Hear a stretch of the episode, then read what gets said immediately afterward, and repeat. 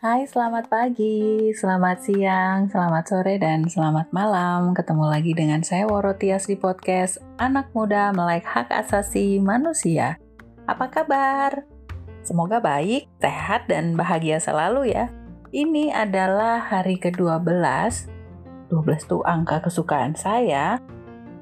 Dan saya masih konsisten untuk mengikuti tantangan dari thepodcasters.id Tema hari ini adalah bucin alias budak cinta. Aduh, aduh, aduh.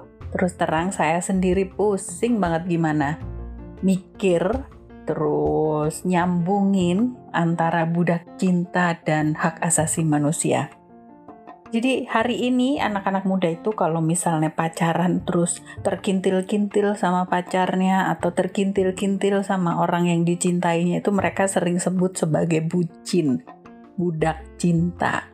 Apakah menjadi budak cinta itu salah? Tentu tidak. Dalam konteks hak asasi manusia, semua orang itu boleh mencintai dan dicintai. Itu hak semua orang. Nah, tetapi bahasan kita hari ini nggak akan ke situ, nggak soal hak orang untuk mencintai dan dicintai.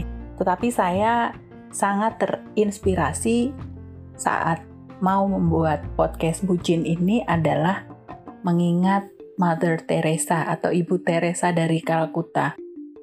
Ingat dong ya ceritanya, siapa itu Ibu Teresa?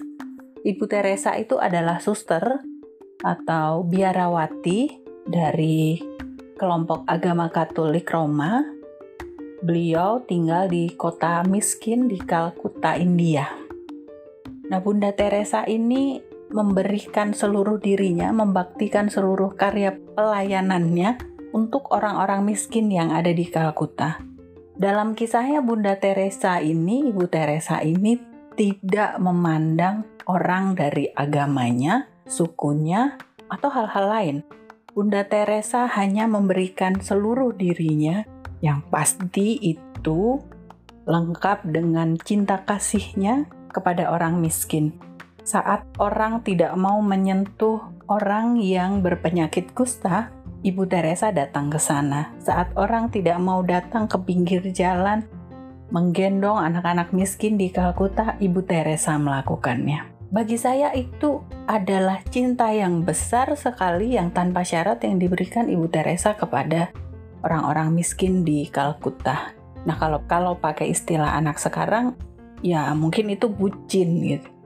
Budak cinta. Tetapi Ibu Teresa ini menjadi budak cinta dari kecintaannya kepada Tuhan yang dia percayai.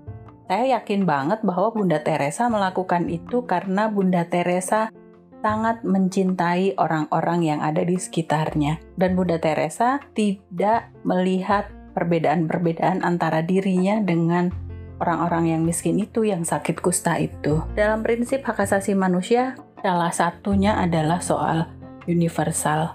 Jadi cinta yang Bunda Teresa, Ibu Teresa berikan kepada orang miskin di Kalkuta, orang sakit kusta di Kalkuta itu adalah cinta yang Tadi sudah saya sampaikan cinta tanpa syarat dan pasti sifatnya sangat universal.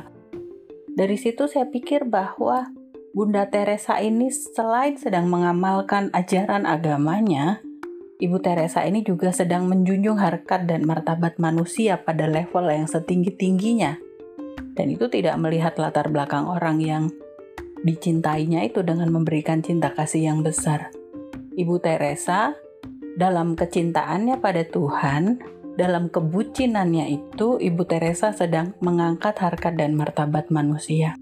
Di situlah kemudian saya berpikir bahwa menjadi bucin pada kemanusiaan itu adalah langkah konkret yang sangat baik agar kita bisa menghormati harkat dan martabat manusia itu pada level yang setinggi-tingginya. Jadi anak-anak muda, bucin gak harus sama pasangannya, tetapi bucin pada kemanusiaan itu adalah penghormatan tertinggi dalam hak asasi manusia. Kalau bucin pada soal-soal kemanusiaan itu gimana ya? Kita sudah mungkin tidak mikir latar belakang apa orang itu, manusia itu, latar belakangnya dari suku apa, agama apa, orientasi politiknya apa, orientasi seksualnya apa, tidak tapi kalau kita bucin pada kemanusiaan sudah pasti kita akan terkintil-kintil dengan nilai-nilai kemanusiaan pada orang yang lain.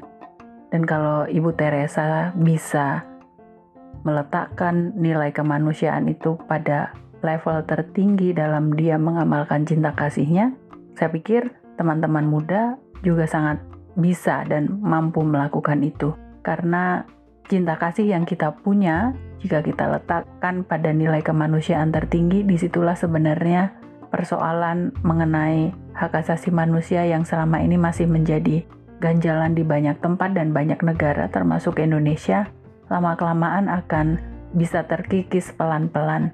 Karena kalau anak-anak mudanya sudah melek pada hak asasi manusia mereka akan bisa menjadi generasi yang merubah tatanan pada kehidupan berbangsa dan bernegara ke depan.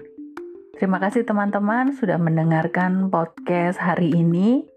Tetaplah terus berusaha menjadi pucin pada nilai-nilai kemanusiaan dan anak-anak muda ini adalah harapan bagi kehidupan yang lebih baik, lebih setara dan lebih memanusiakan manusia yang lain. Anak muda melek hak asasi manusia, siapa takut dan pasti keren.